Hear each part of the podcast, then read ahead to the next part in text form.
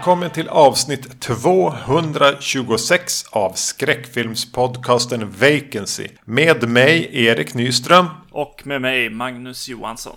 Vi har fått lite feedback från eh, förra avsnittet när vi pratade eh, de två första Evil Dead-filmerna som jag tänkte att vi skulle bemöta här. Mm. Från en lyssnare skrev till mig så här.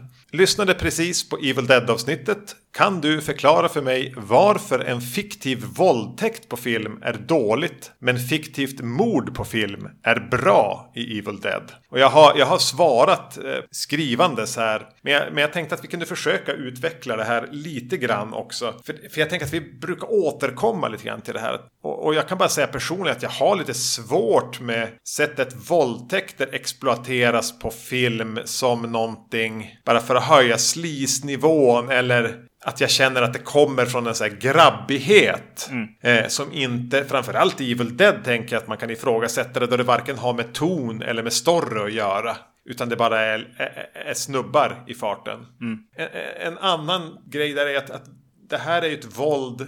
Om man då jämför det med till exempel hur en, att en karaktär blir mördad som man ju någonstans ändå kan tänka är värre. Så dels så tänker jag att det ligger mer inom, inom genren. Men det är någonting med att bakom kameran står det i regel bara män. Och de väljer alltid att bara utsätta kvinnor för våldtäkter. Eh, det är någonting i den dynamiken liksom. Det går inte att särskilja filmen från världen bakom filmen eller fil världen i stort. Det här är någonting, eh, sexuellt våld, våldtäkter och andra typer av övergrepp är egentligen bara någonting som riktas mot kvinnor från män när det är män som har gjort filmen. Som gör att det får en, en risig känsla för mig. Mm. Eh, jag vet inte riktigt om jag kan eh, utveckla det mer än så. Nej, precis. Eh, jag håller, håller helt med där. Alltså, och, och, helt plötsligt kommer det liksom någon gräns där det liksom känns som att det ändå är del av, av vad som pratas om och berättas om och så när vi, när vi sätter ut sådana liksom, eh, eh, kommentarer så är det ju ofta där, i, där det känns liksom som att det kommer bara eh, slentriant liksom in i filmen. Mm. Någon som inte riktigt tänker efter där. Och det får man leva med om man lyssnar på oss. Alltså jag har inte tänkt eh, anpassa mig efter en skräckfilmstörstande publik som gillar att man går över gränser eller slis eller e- exploitation. Det gör jag också.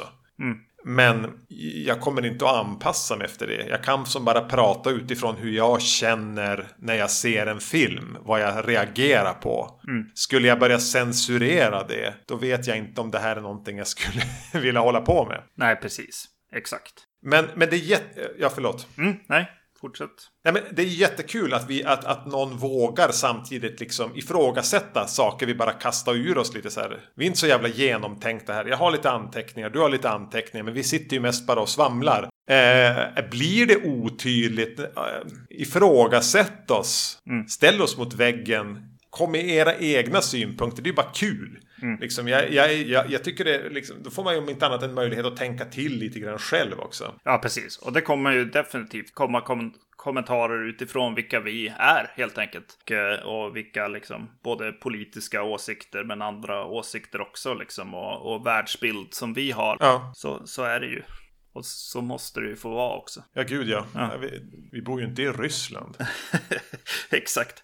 Men då eh, tar vi tag i detta avsnitt som består av tre filmer och vilka är de? Det är, eh, ja först och främst eh, tänkte jag att jag skulle Eh, presentera avsnittet i, i stort. Eh, det är ju... Ja, det kan vara värt att göra det en gång till. Eh, precis. Det är ju Evil Dead-serien som vi pratar om här och i Italien så för att få ut lite pengar ur några filmer liksom som, som kanske inte var så lätt att placera ute på marknaden så döptes produktioner om till till uppföljare till Evil Dead-filmerna. Exakt. Och i Italien heter då Evil Dead La Casa. Det blev sju filmer i serien i, i Italien. Här kommer vi alltså då att prata om eh, del 3, 4 och 5. Precis. Eh, del 6 och eh, 7 är då uppföljare till eh, House. Ja, det är ju, ja, det är Ja, det är Italien. Ja, precis. Exakt.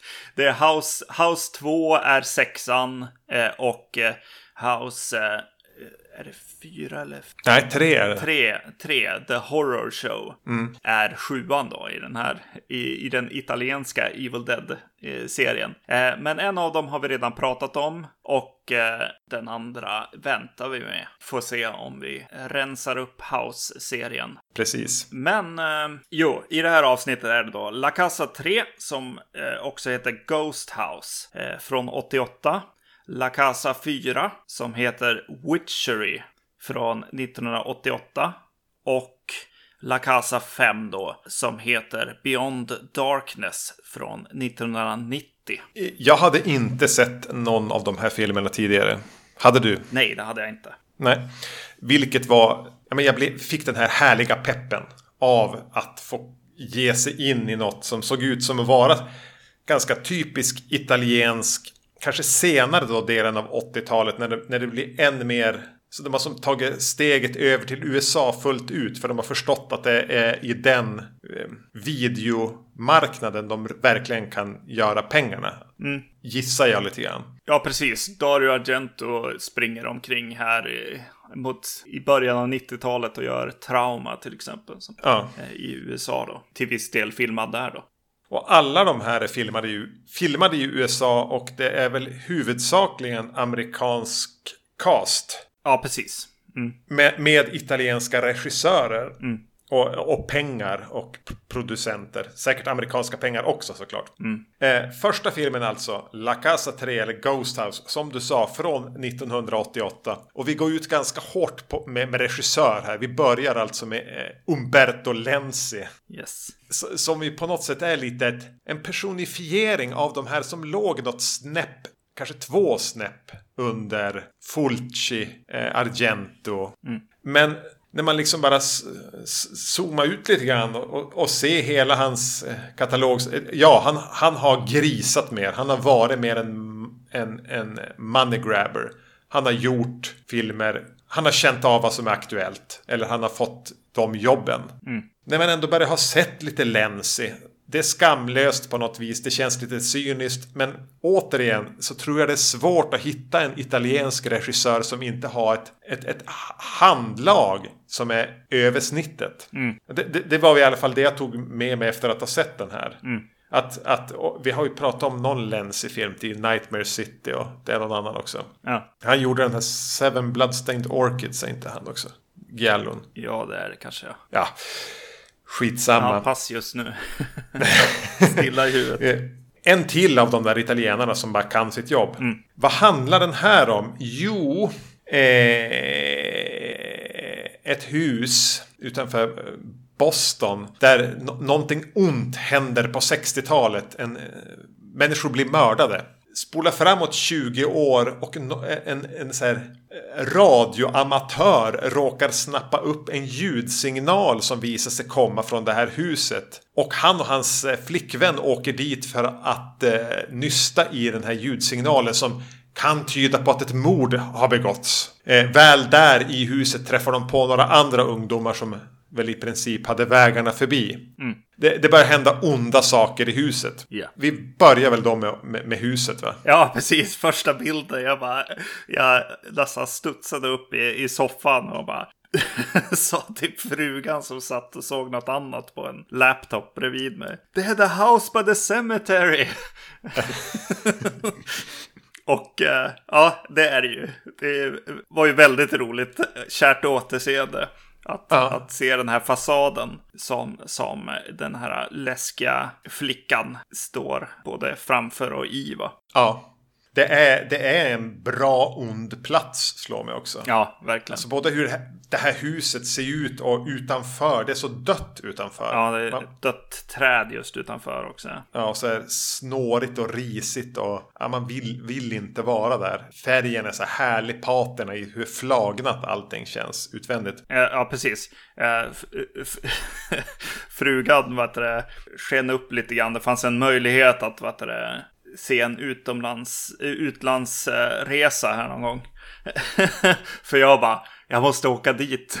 ja, ja, jag tänkte samma sak. Det ligger någonstans i Massachusetts, alltså utanför Boston, det här huset. Vad jag eh, kunde se. Alltså det, jag, jag, fick ingen grepp på det för det verkar vara ett ofantligt stort hus. Mm, mycket större än i The House by the Cemetery, absolut. Ja, men det är som att, att det har en hel så här flygel som är bara i, gå iväg till, alltså som en ja, länga som man får se i vissa vinklar med komplett med källarplan. Som typ ett, jag vet inte vad, som att de skulle ha ett litet, litet eh, vad heter det, motell eller någonting. Ja, precis. Jo, det är svårt att riktigt eh, veta vad det är. Om det är en skolbyggnad eller något gammalt liksom ja. sånt. Nej, det var svårt. Återigen så kontaktade jag då min kompis som byggde den här Amityville-modellen. Jag gjorde det när jag såg eh, Evil Dead här i förra avsnittet och bad honom att du måste bygga, gör en modell på Evil Dead-stugan. Mm. Jag sa bara nya planer. Stryk Evil Dead-stugan. Du ska göra House, för han har sett och uppskattar eh, House by the Cemetery. Ja. Så jag bara, det, det här huset. Japp. Eh, vi har planerat in att se den här filmen i sommar och dricka alldeles för mycket öl. Ja, bra idé. Men, men visst känns det som att, att hela början här, förmodligen är det huset. Mm. Fulcis ande svävar ju lite grann över hela filmen. Gör, gör den inte det? Jo, Eh, att det här är en film som egentligen har, har försökt göra Fulci. Mm, eh, absolut, eh, precis. Och det, det ligger ju i, i inte bara locationen utan även liksom hur en del saker är ljussatta, hur eh, otrevligt eh, våldet är och sådär. Eh, absolut. Sen, sen, saknar den ju liksom att Fulci var eh, knäpp. Mm. Utan det är ju en eh, Lens, säga vad man vill om han, men han, han, han, må, han mådde nog rätt bra. Ja. Rökte cigarrer, drack dyra viner och hovade in pengarna. Och så sen just bara, hur kan jag göra det så skruvat som möjligt? Det verkar vara grejen liksom. Och så gör han det av den anledningen. Ja, inte att det kommer inifrån honom själv. Nej, precis. Radioamatör slash dataoperatör är alltså våran manliga huvudkaraktär här. Mm. Och jag kan gilla hur den verkligen tar sig tid eh, inom rimlighetens gränser med det. Ja. Att han, han har sin ganska häftiga lägenhet. Jag gillar lägenheten de har. Det är som en stor etagevåning. ja, eh, det var en till också. Så här. Ska vi inte flytta till en sån där lägenhet så, till frugan också? Att man som bara har en, en stor gympasal-storlek eh, på någonting och bara kan ställa upp sitt, sin arbetsplats i en del av det och låta resten bara vara kal. Mm. Och så promenerar man iväg till ett kök och någonstans bakom det finns ett sovrum. Och sen, sen är man som klar. Mm. Jag tänker eh, mycket att den här filmen spenderar ganska mycket tid på att försöka vara så amerikansk som den kan. Ja. Och jag tror att den här våningen är, är en del i det. Någon slags tre män och en baby-lägenhet eller något. ja, jag, alltså jag blev väldigt förtjust i platser i den här filmen. Kanske framförallt den onda platsen då med, med huset både inne i det och utanför. Kanske framförallt utanför. Mm. Och hur de har en sån här husbil där sen. Men även den här lägenheten och att filmen tar den, den låter det ändå andas i varje plats. Den har inte så bråttom när den väl har ställt upp. När de väl har åkt till den här lägenheten. Då får den ändå vara där ett tag. Ja, precis. Eh, ja, men som jag var inne på. Fler, fler filmer skulle ju behöva en, en radioamatör slash eh, dataoperatör. Eller vad han nu är. Han nämner i förbifarten att han håller på med något examensarbete. Och ska bli typ dataingenjör. Så han har ju som både sin radiostation och så bredvid, eller radio, kortvågs eller långvågsradio. Mm. Och bredvid har han en, ja men tänker en, en avancerad dator på film 88. Mm. Och hur han eh, ja, men, lägger in, ja men vi kan nog spåra den här signalen. Ja. Eh, och att den är som ändå inom någon slags filmuniversums rimlighet. Vad de, vad de håller på med. Ja. Bara hämta en kopp kaffe. Precis. Nu kör vi. Och att det blir lite det här Scooby-Doo detektivandet. Men det här kan ju vara ett mord. Det här, någon kan ju vara i fara. Vi måste ta reda på det. Ja. Eh, otroligt charmigt. Mm, jag tycker också det. Just att eh, det som har presenterats som det här Prior Evil, det som hände 20 år tidigare, har ju ett ganska distinkt theme, det som händer. Mm. Eh, som man tänker är ledmotivet till filmen. Ja. Sen har han alltså, är det det han får in på sin amatörradio? Ja. Liksom, o, o, oj. Soundtracket har fastnat här på min... yes. Det hade jag ganska roligt av. Ja, det, det jag kom in med, alltså för den här prior evil-sekvensen här, om jag, om jag backar bandet lite grann här så, alltså när man gör så här, ja, ah, nu kommer en Evil Dead-uppföljare. jag vill ju ändå tracka lite grann så här hur Evil Dead är de här Ja. filmerna. Och eh, det är väl här i början liksom. Eh, de hade liksom turen att ha döpt eh, en unge som är med i början. Som, som har ett, en läskig clown-dock-kompis. Ja. Eh, Hon blir inlåst i, i källaren för att hon har dödat sin eh, katt. Hon heter Henrietta. Ja, var det bara tur eller? Det var det va? ja, precis. Ja, det lär ju bara ha varit tur, tänker jag. För den här har ju fortfarande titel, liksom Ghost House. Och... Jag tror inte när de gjorde den här att de tänkte att de skulle stoppa in den. Utan det var ju någon som gjorde det med efteråt. Ja, precis. Men man kan tänka sig att, att det, det är hon som har varit kvar där i, i källaren för alltid. Eller, eller kanske kom upp och var en gammal dam ett tag. Hon är i alla fall född för att leva st- stora delar av sitt liv och efter sitt liv i källare. Inlåst i källaren, ja. Ja. Yes. Den sekvensen slutar ju med liksom eh, ett dubbelmord här. Och eh, just eh, kvinnans hugg, det var därför jag pratade om, om effekterna i samband med, med Fulci-referensen som du såg. Det är ju väldigt otrevligt hugg. Det är en, som huggs fast i en dörr eller någonting. Och hugget går genom halsen, fast på fram, framme liksom på halsen så att eh, det nästan eh, skulle gå sönder. Liksom. Det är bara väldigt, väldigt lite kvar längst fram. Det, det, det var lite otäckt eh, som koncept framför allt kanske. För effekten var väl kanske inte den, den bästa. Nej, inte den bästa, men, men jag blev ändå lite så här. Ja, man, man- ska liksom tänka att det här är en ganska låg budget. Det är lite snäppet nedanför Fulci. Så blev jag ändå OK med effekterna. Ja. Både den, men även, även den här döda katten till exempel. Nu är det ett kort klipp. Just det. Jag tror mycket ligger i, kanske inte i effekterna, men i hur, hur det klipps runt dem och hur de används. Ja. Även den här första personen som blir mördad så, så, så blir det en viss tyngd i huggen han blir utsatt för just tack vare klippen. Precis. Mm. Som sagt, det här Lenzi eller vem det nu var som klippte och vem det nu var som fotade. De kan sin grej. Eh, En, eh, bara, om vi håller oss till effekterna i, i, i filmen så måste jag säga att eh, när det väl börjar liksom hända mystiska saker i, i huset så har de lite coola liksom effekter och tankar liksom. Jag, jag gillade faktiskt rätt mycket en sån här lampa som börjar så här svälla som Ja, just det. eh, utåt sidan. Och det används lite senare i någon slags flaskor eller kärl av något slag som, som också så här långsamt börjar liksom svälla liksom som om de sma, smalt.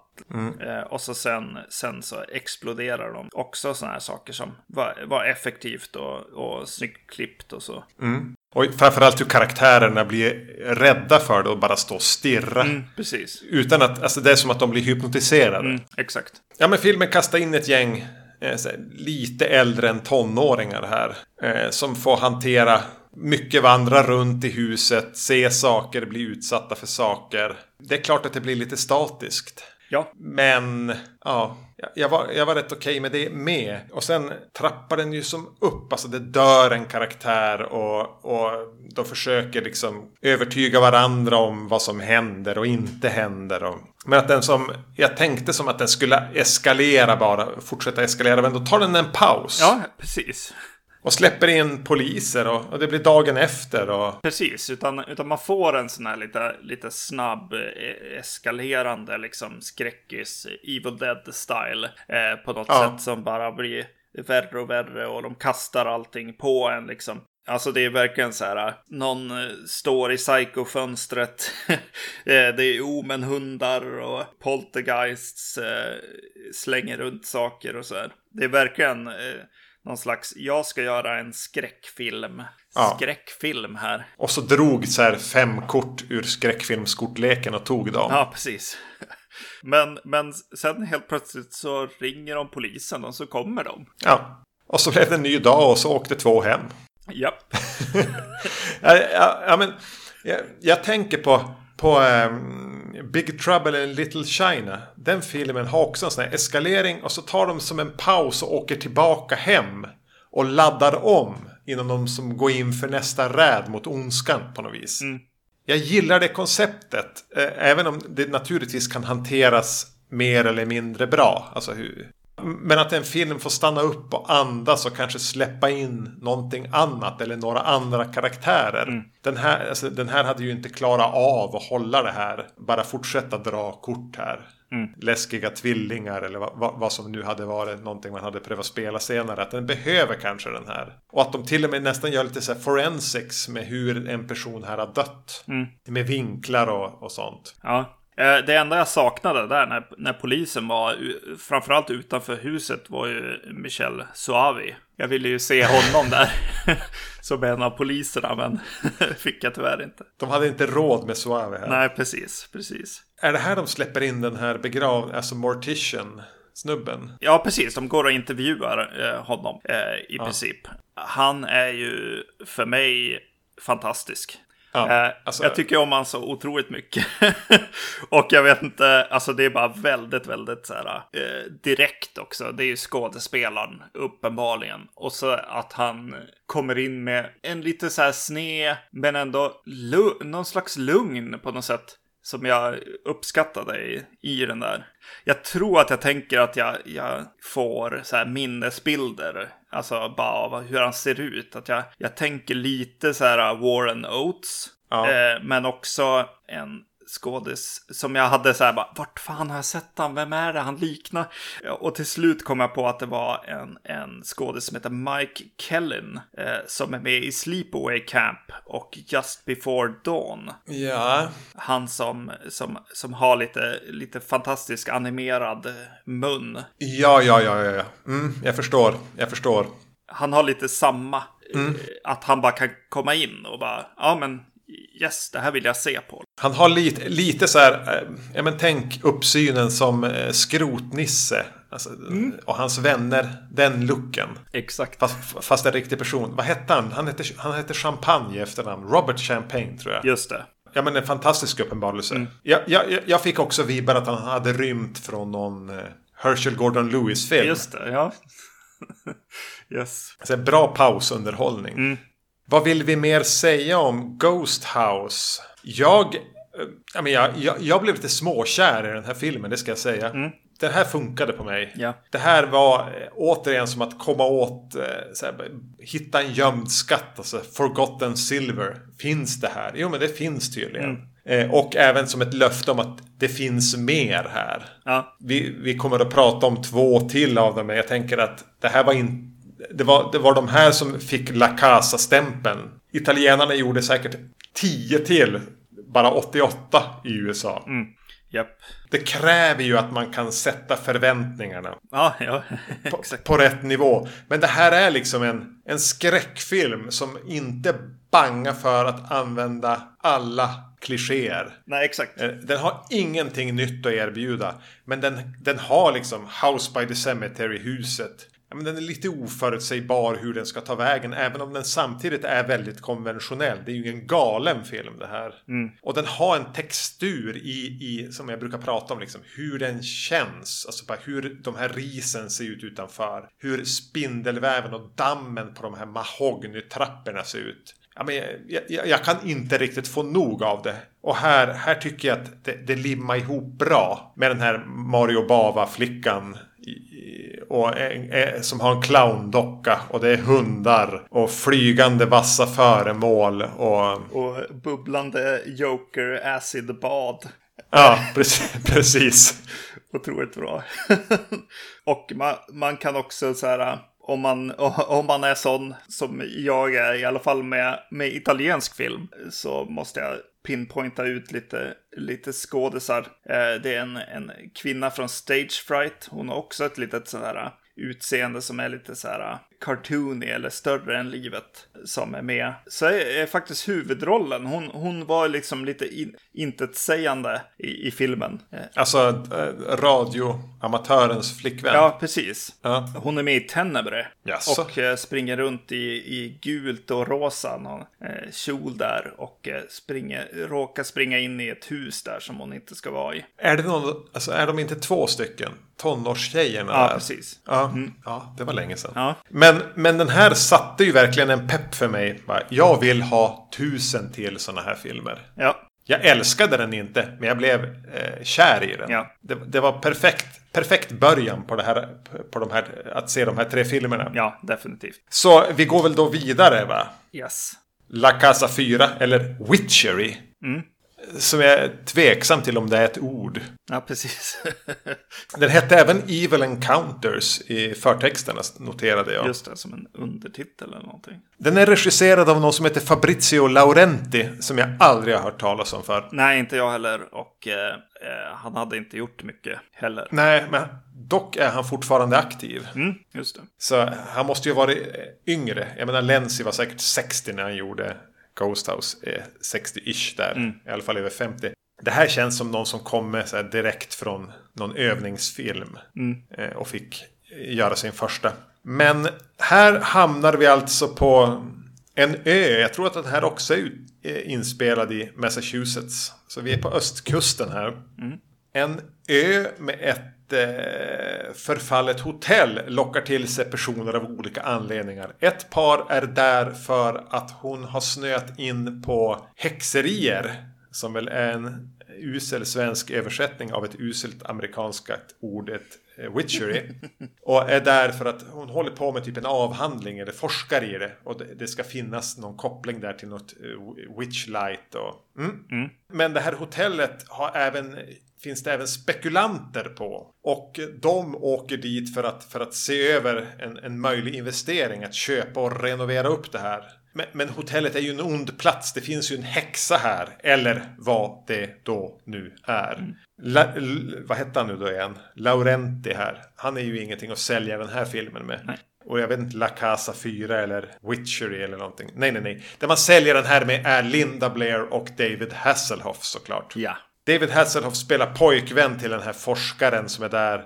Linda Blair är dotter till de som har tänkt köpa hotellet. Hon, av oklar anledning följer hon med dit för att titta på det. Hon är dessutom gravid. Ja.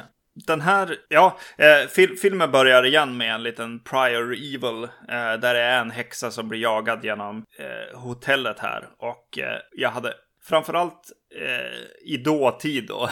det är några som har spökat ut sig lite grann. Ja. Och springer. Slapp dåtid. Ja, precis. Och springer eh, genom här. Och eh, häxan är gravid eh, och springer genom hotellet. Först och främst så hade jag jättesvårt att förstå huset. Eh, för de presenterar den genom den här springmarschen. Språngmarschen. Ja. Först är det bara, ja, ah, det är en liten villa. Jaha, fast den är L-formad. Oj, vad konstigt. Och så sen helt plötsligt springer hon i en hotellkorridor. Och jag bara, men jaha. Och så sen till slut så får man se, alltså långt senare, en stor bild på liksom, jaha okej, det är ett hotell vid stranden här. Ja. Om en litet, det är inte ch- charter liksom, hotellet. Nej, ja, men den känns lite fumlig hela inledande sekvensen, gör den inte det? Jo.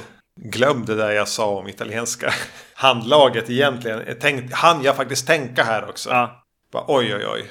Ja, yes, här får vi se.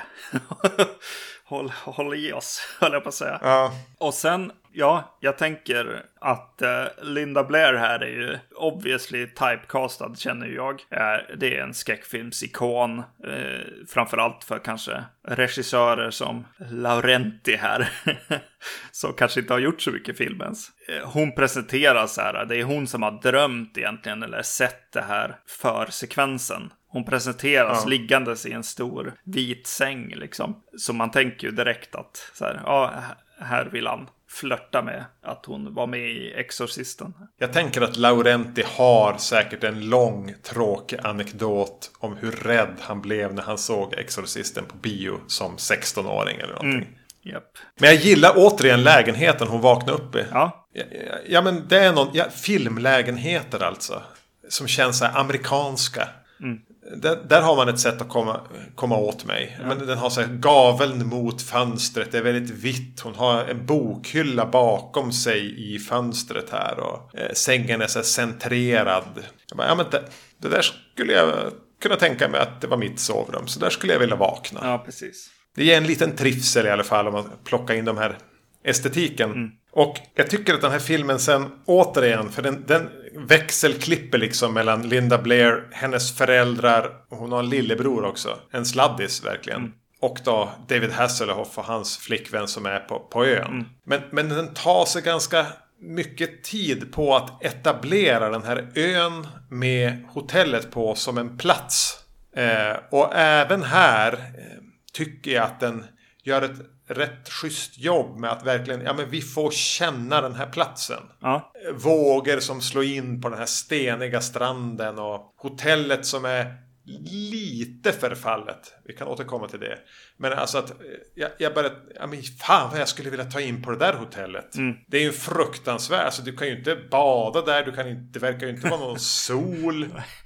Jag vet inte riktigt vad du ska, alltså vad, vad liksom, hur fan ska du locka dit någon och vilja bo där? Fiskar man? Eller, jag, jag vet inte. Men jag, jag, jag vill ju bo där. Ja, yes.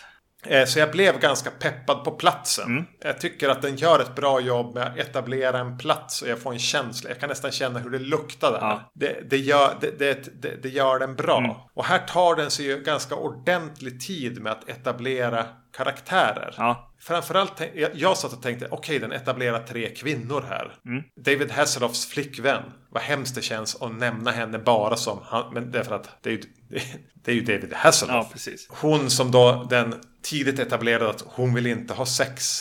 Man anar ett, en, en, ett, någonting som gör att hon inte vill vara så nära någon, ett obehag. Mm. Eh, vi har Linda Blair som är gravid. Ja. Och så presenteras vi för typ en arkitektkvinna som då ska med dit med, med de som ska investera i det här köphotellet. Ja. Och hon presenteras som ganska sexuellt aggressiv. Ja. Jag bara okej, okay, här är det någonting. Det är de här tre det kommer handla om tänkte jag. Ja. För den, den gör en ett oväntat noggrant jobb med att presentera dem. Och jag ska väl ändå säga att ingen är kass heller. Nej. Som skådis. Utan de gör ett, de gör ett bra... Linda Blair är väl typ sämst av dem. Ja, jo. Det är hon. Men den fortsätter liksom bara och håller på att etablera karaktärer och en eh, mäklare och mäklarens son som följer med till ön och någon som ska skjutsa i, dit dem och så de här två föräldrarna mm. eh, och deras dynamik. Och då ska vi väl stanna upp och säga att pappa spelas då av den här Robert Champagne yeah. som vi gillade i, i föregående film. Yes. De knyter ihop det här. Eh, men det blir och de kommer dit och de visar sig ganska snabbt vara strandade och de här två, de som är där lite i tjuvväder och det här sällskapet träffar på varandra. Och eh, de kommer inte kunna ta sig därifrån. Mm. Det handlar mycket om bara att etablera det scenariot. Ja, just det. Precis. yes. Och det är lite trist. Ja, precis. Och det är mycket, mycket historia och mycket så här set, setup. Och David Hasselhoff får försöka tjata efter sex där också. Eh, inte, inte bästa sättet att, att få honom att vara the, hero of the piece. eh, jag får också känsla av att David Hasselhoff är onykter eller påverkad av något. Framförallt kanske här i början, men, men även mot genom filmen. Svettas mycket, tar på, på folk, lutar sig nästan lite väl mycket över folk och så. Men ja, jag vet inte. Det är spekulation. Är inte Hasselhoff en sån som hade kunnat haft en karriär om han inte hade super bort den? Ja. För jag tycker ju Alltså han har ju ganska stora problem med repliker. Ja. Men, men, han har star quality. Alltså han har en utstrålning. Ja, verkligen. Ja, precis. Yes. Och den tycker jag syns här. För här är han ju. Den här kommer 90. 89 hade Baywatch premiär. Mm. Så det här är ju egentligen, alltså den, fan vad rätt i tiden de var. Det tog väl någon säsong av Baywatch innan det riktigt exploderade. Mm. Men han var ju på G här. Ja, precis. Den här är gjord i pausen mellan Night Rider och Baywatch. Ja. ja det, du, du tänkte också på vad, att han visslar på Night Rider Theme. Ja, gör han det? ja, han, han, han, han kommer och springer ner, småjoggar ner för trappen och visslar. Då är det ledmotivet till Night Rider han visslar på. Så jag tänkte att okej, okay, här är det det man spinner på. Ja. Här är inte Baywatch en grej. Så han har förmodligen inte börjat göra den här. Eller så har han typ gjort några avsnitt men det har inte, ingen vet vad det är än. Mm. Även om de är väldigt, alltså vid havet hela tiden. Ja. Eh, men som du säger, han, han han har ju en lyskraft. Ja, precis. Eh, och det visar sig ju liksom även i att man köper knasigheter i, i storymässigt också. Att så här, de har ju liksom tjuv, alltså smygit sig in på, på det här stället liksom. Och så sen helt plötsligt kommer de som, som faktiskt ska vara där. Eh, och när de möts så, så säger han bara några snabba ord och sen gör han kaffe åt dem och säger allting bra. Eh, Och jag köper det. ja, man bara, ja men visst, så, så är det ju bra. Åh, vad charmigt att han gör kaffe åt alla. Precis, jag skulle kunna komma hem liksom imorgon efter jobbet, låsa upp dörren och så typ står David Hasselhoff där i kalsonger. Och så jag bara, du, men jaha, jag, ska, ska jag koka makaroner? Och jag bara, absolut, jag sätter mig framför tvn. Yes. Finns öl i kylen. Han har den, alltså man känner sig väldigt trygg med honom och det behövs lite grann här. Ja. Men vad tycker du om häxan då? Ja, exakt. eh, Den här, eh, det finns ju en häxa som, eh, som glider runt, eller en, en The Lady in Black. Som presenteras som en sån här Hollywood-drake som bodde på hotellet under en period. Precis, och det, det ser hon ju ut som eh, också. Ja, verkligen. Eh, det är någon eh, tysk stjärna, tror jag, som är med här. Ja, det känns ju mer som en manus. Alltså, det, det var bra idé. Det stämmer inte riktigt. Jag tycker det är lite dålig casting eller hennes uppsyn är inte genuint eh, läskig eh, som jag hade behövt tror jag. Hon känns mer som en, jag menar, en jobbig så här, mormors syster. På högtider, li- lite på tabletter eller någonting. Som helt plötsligt har lallat in i barnens rum. Och sitter där och berätta, jag vet inte. Alltså, hon är lite off på ett sätt som inte hjälper filmen. Nej, precis. Och, och, och här är vi ändå i, i landet av att försöka göra någon slags, jag vet inte, Fulciesk eh, Susperia eller någonting. Ja, Eh, att, att, eh, att det ska vara en ödesmättad liksom, plats det här och, och saker som, som händer ska, ska kännas lite så här uråldrigt och som att det inte riktigt går ta, går ta sig ifrån liksom.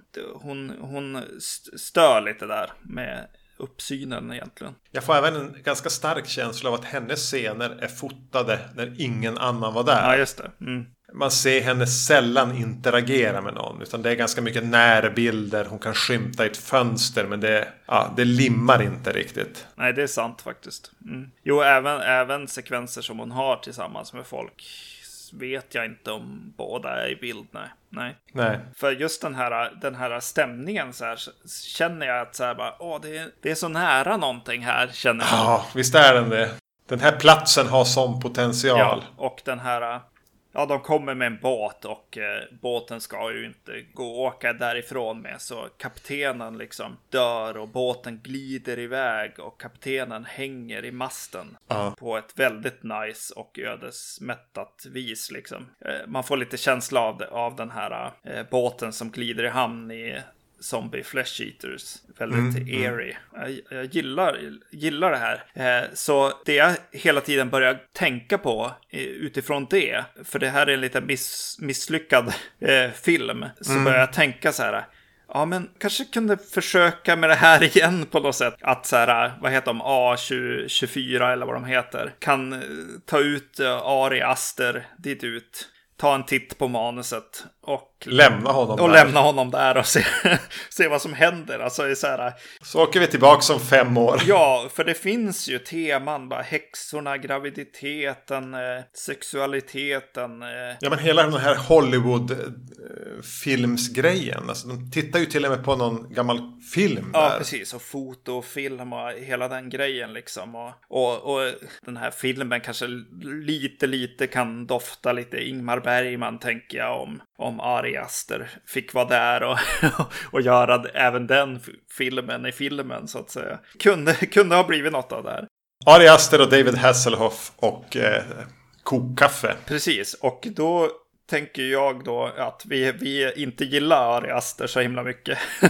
Men jag tror att det kanske säger något om vad jag tycker om den här filmen. Att, att jag, jag tycker att han borde göra remaker för han skulle absolut kunna göra en bättre. Men den är ju också en Ari Aster-film i sig på det sättet. Ja. Jag menar, alltså, den är ju infernaliskt långsam. I allt. Alltså när den etablerar känns den tråkig.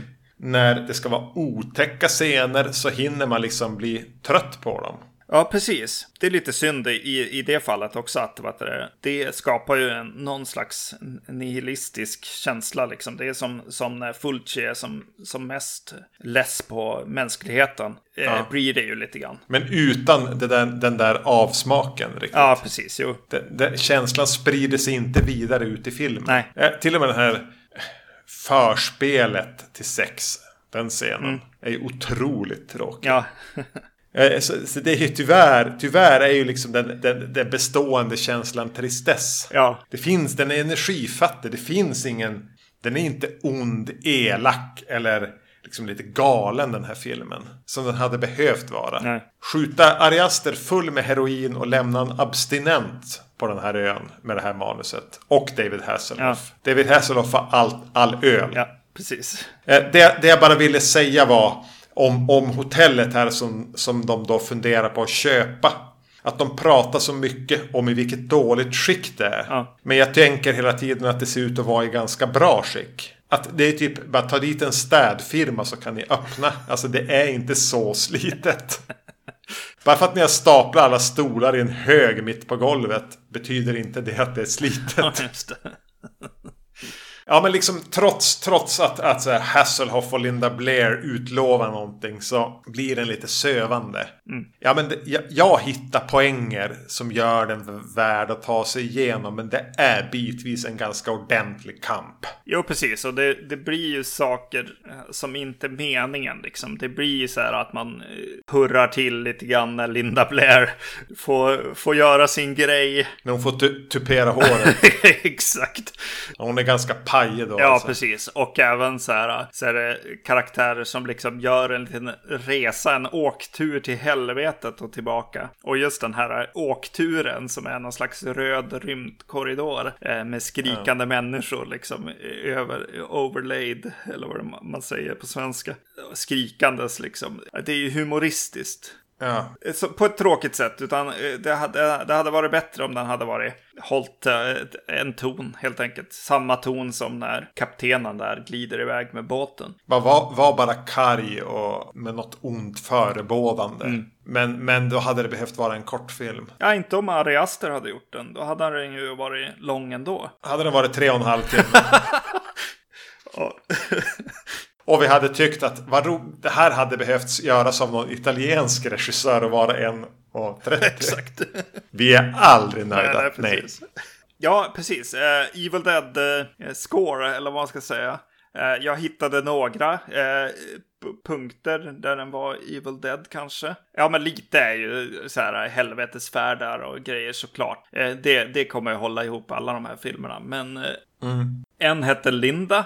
Det är ju ett, Ja. ett Evil Dead-namn. Eh, vilket båda de här har, eh, som vi har pratat om hittills, är ju inspelningar av något slag. Ja, och det. i den här Mm. så har de, har de det. Eh, det är den här yngre eh, brorsan eller sonen som eh, har en, fått en leksak som man kan spela in. Alltså det är en, en bandspelare helt enkelt. Ja, just det. Den, den får egentligen samma roll som det här eh, fruktansvärt fula smycket i Evil Dead. Ja, precis, just det.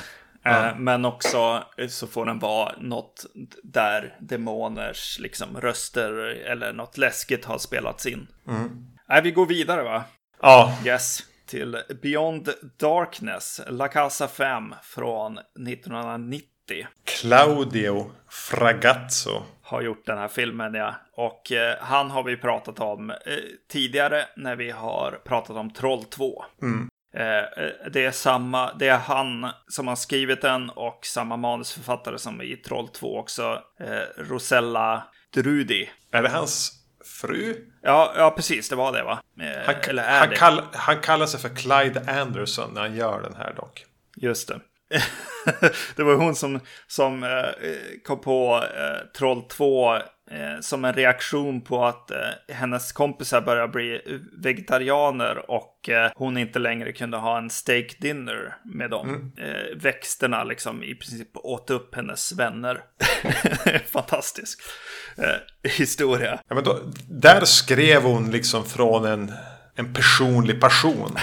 Exakt. Vad, vad- vad drev henne här? Den här, den här är ju också eh, förmodligen eh, gjord under samma resa eh, som när de gjorde Troll 2. Det känns så va? Eh, precis, eh, den här lilla pojken i Troll 2 är med här också. Michael Paul Stevenson. Just det. Eh, och även noterade jag alltså att, att Laura Gemser som hon- var, hon är kostymmakare här som i Troll 2. Alltså eh, gamla Emanuel-skådisen. Just det. Så hon var också med på resan. Mm. Yes, och i övrigt så har vi folk från, från Stage Fright igen. Den här gången den här demonregissören i, i Stage Fright är med här som präst. Vilken av prästerna? Eh, han i början, han som blir eh, lite tokig. En eh, helyllefamilj med prästpappa flyttar in i ett hus. Efter att en präst har tagit liksom sista bekännelsen, eller vad, vad heter det, det man gör? Sista smörjelsen från någon som eh, ska avrättas i elektriska stolen efter en massa barnmord. På något sätt så har det här med demoner, eh, tro och en massa ondska att göra. Så det flätas ihop till en, en historia. Ja, precis. Och de flyttar ju in i det här huset va? Vad var kopplingen till det här huset? Jag förstod aldrig det. Nej, du. Vad var kopplingen mellan demonen som av, alltså kvinnan som avrättas som återkommer som demon och huset? Den, den, den jag kan inte svara för det faktiskt. Jag, Nej. jag, jag eh, kommer inte heller ihåg eller, eller tog mig fram till svaret. och det är inte jätteviktigt. Nej. Det är det inte. Eh, precis. Eh, det vi vet är att den här prästen som gör, eh, som kommer till eh, fängelset i början, vilket är en otroligt trevlig öppning tycker jag.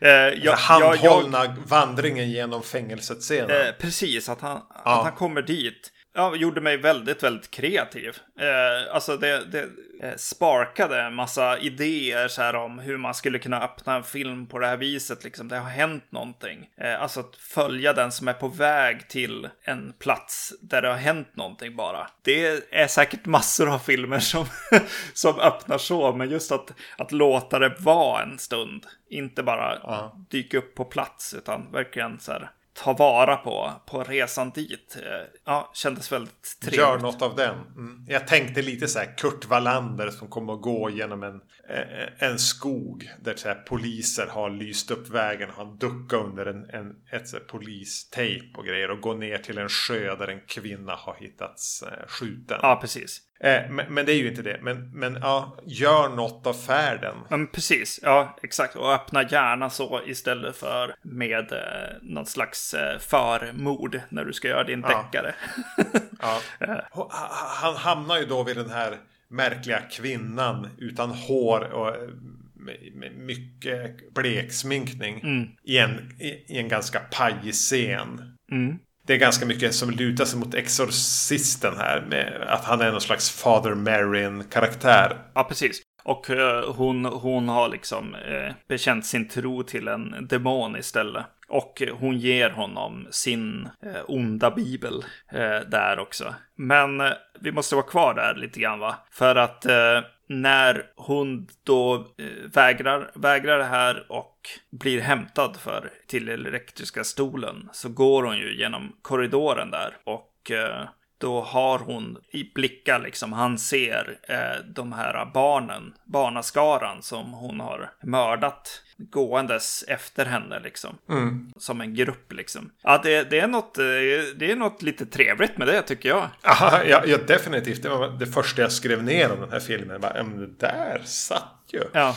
Och att, att de ljussätter det på ett sätt. Det är ganska skarpt ljus i de klipp när man ser barnaskaran gå där. Ja. Alltså använder sig av det här lite vita eh, ljuset som Lynch använder ibland. Som en strålkastare-grejen. Ja, precis. Jag blev lite förvånad för min, för min bild av, av Fragazzo är ju in, jag, jag har ingen jätte tilltro till honom. Nej. Men här bara efter typ fem minuter så har han ju i, visuella idéer överträffat allt han åstadkom i Troll 2. Mm, precis. Eller och, om vi bara stannar upp och avhandlar Fragazzo här så förstår jag inte riktigt vad som hände egentligen med Troll 2. För, för jag tänker att de, alltså var det bara noll pengar att han gjorde den med det som var över eller var, hade han gått in i ett missbruk eller var han osams med någon producent? För här är det ju definitivt en regissör som låter skådespelare jobba med repliker, eh, jobba med scener.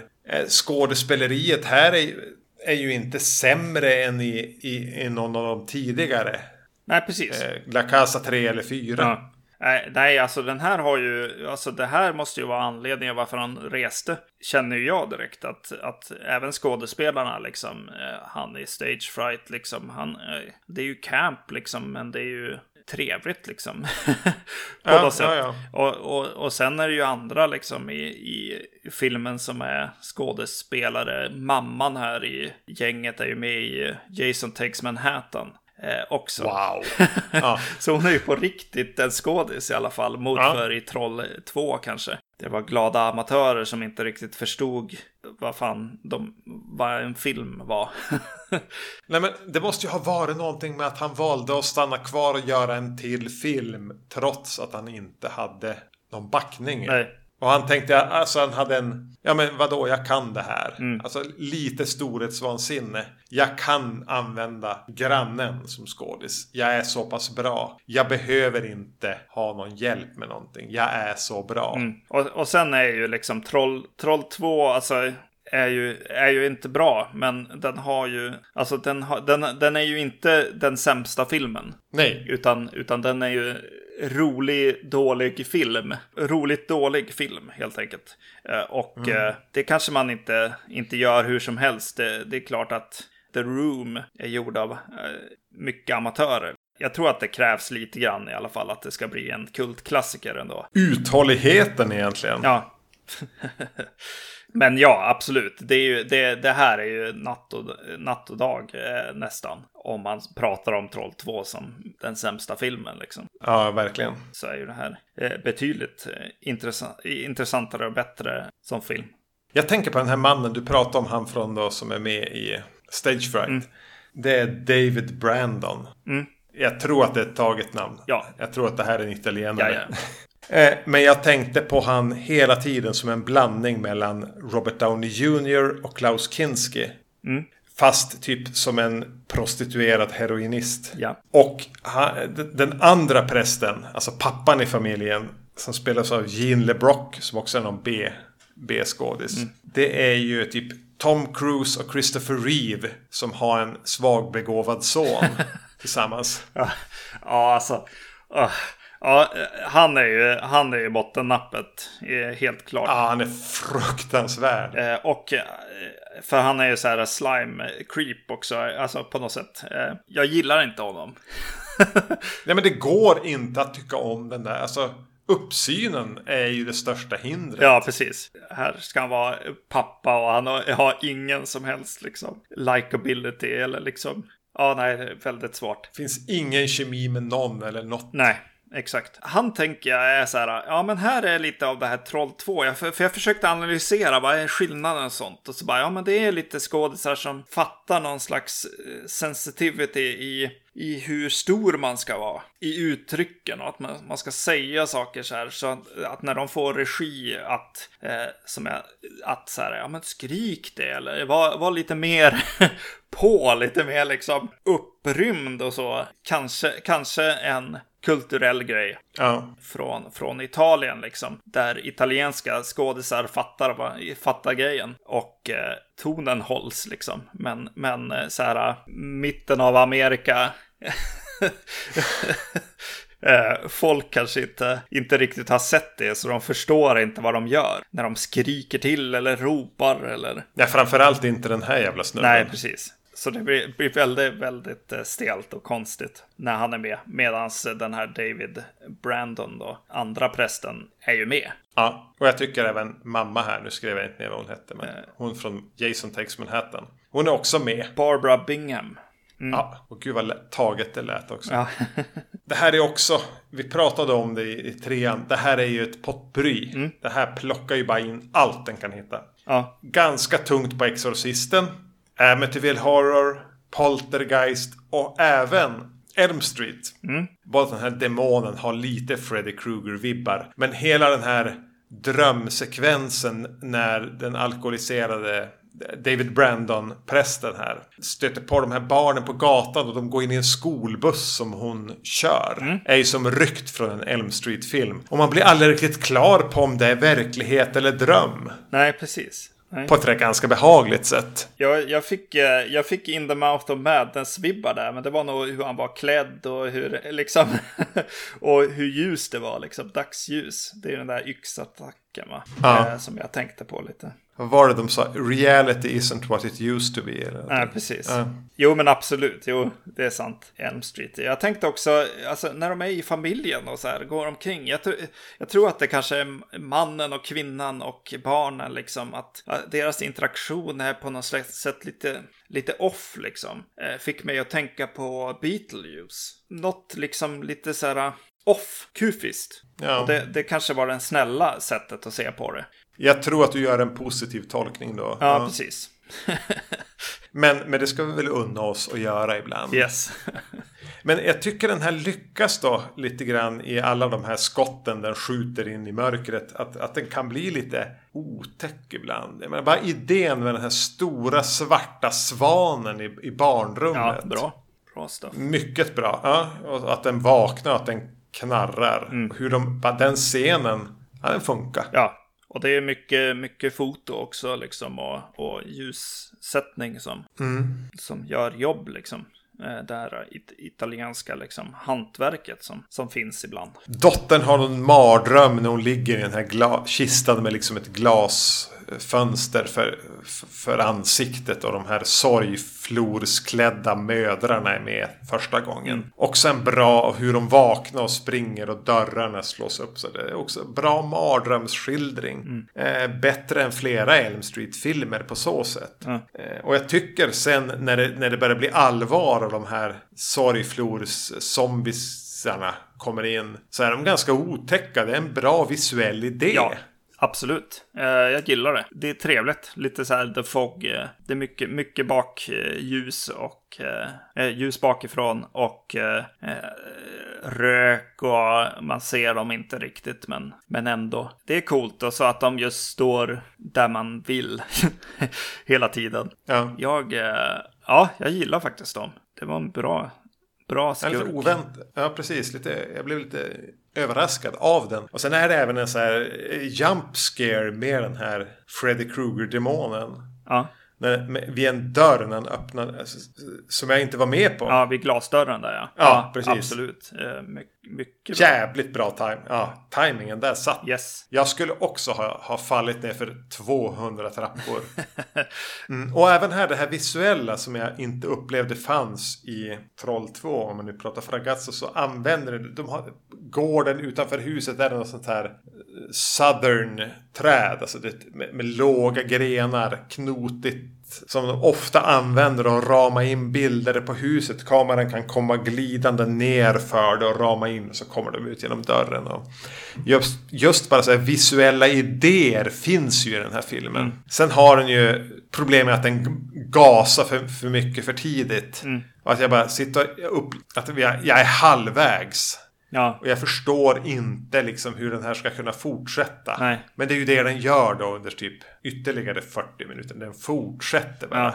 Och stapla saker. Så den har ju så här problem med pacing och struktur. Men, men, men i, det här, i det här mischmaschet finns det ganska många goda idéer. Och, och individuellt obehagliga scener. Mm. Ja, uh, yes, jag bara skriver under och håller med. Och så går den bara all in på att utsätta en familj. Ja, exakt. Det är också en konstform som går lite förlorad mellan varven. Mm.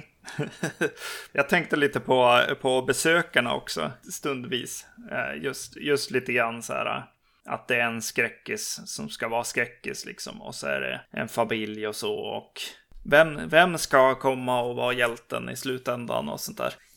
För det, det, är flera varv, poltergeist-varv ja. med hur de ska lösa det här. Och exorcism och, och så vidare liksom. Jag tänk, man tänker ganska mycket på, bara för att ta modernare exempel, på, även på Insidious. Mm. Alltså att de som ska in i det här The Further eller vad det heter där. Ja. Det här är som en italiensk version av det i viss mån. Mm. Den prövar ju allt och har ganska bråttom mellan att pröva de här olika sakerna. Mm. Vilket ju är ganska lätt att såga. Alltså att den hänger ju inte ihop på så sätt. Alltså det är väldigt lätt att ifrågasätta allt som händer. Mm. Men om man kan koppla bort den delen av hjärnan och bara åka med. Ja, något, något jag bara vill, som de tar med sig från Troll 2 också. Det är ju att eh, dialog är de verkligen inte bra på att skriva. det, det, det blir verkligen eh, jättepajigt ibland alltså. Och lite pin, pinigt men det, det, det, var en negativ åsikt bland allt det här positiva vi har sagt här. Jo, alltså det låter som att vi hyllar den, men jag hyllar den ju lite så här avmätt ändå. Ja, precis. Eh, för den har ju också, den har ju de sämsta skådespelarinsatserna ska man väl säga. Mycket tack vare den här Tom Cruise, mm. Christopher Reeve, eh, porrskådisen. Eh, och, och att den bara staplar och staplar och staplar. Kanske är värst av, av, av filmerna mm. vi har sett nu. Så gör mig ju lite trött också.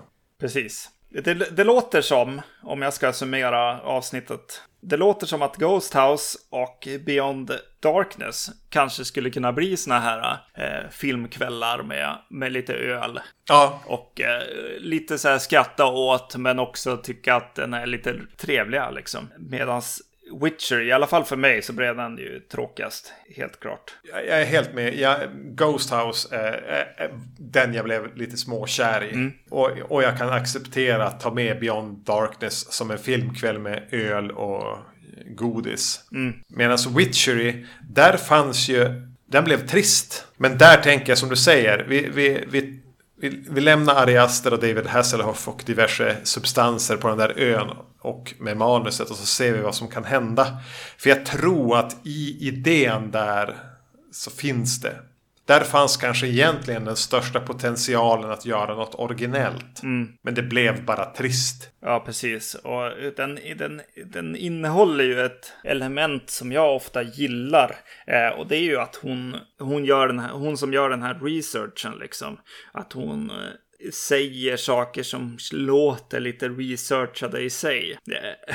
Jag gillar ju lite det. Att, eh, ja. att eh, regissörerna går in och, och försöker säga någonting om, om hur det här har sett ut historiskt och använda liksom en bok för att komma på en idé till en scare liksom eller vad det kan vara. Ja. Att det är lite grundat i, i något, eh, någon research liksom. Och det är det, det jag kanske tänker att Ari Aster till exempel skulle kunna eh, hoppa in lite, djupdyka lite mer i. Jag skulle bara säga en till grej om, om Ghost House, första filmen här. Ja.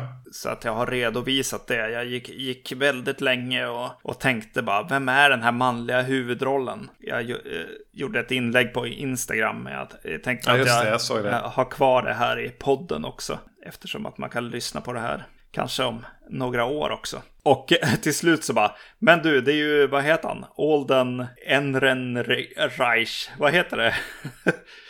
Ehrenreich. Ehrenreich, ja. Precis. Eh, som är med i Solo och, och har en kul roll i Hail Caesar. Det är väl Hail Caesar han gör en roll i. Ja, precis. Just det. Precis. Jag har inte sett Solo-filmen, men ja. Nej, men... Uh...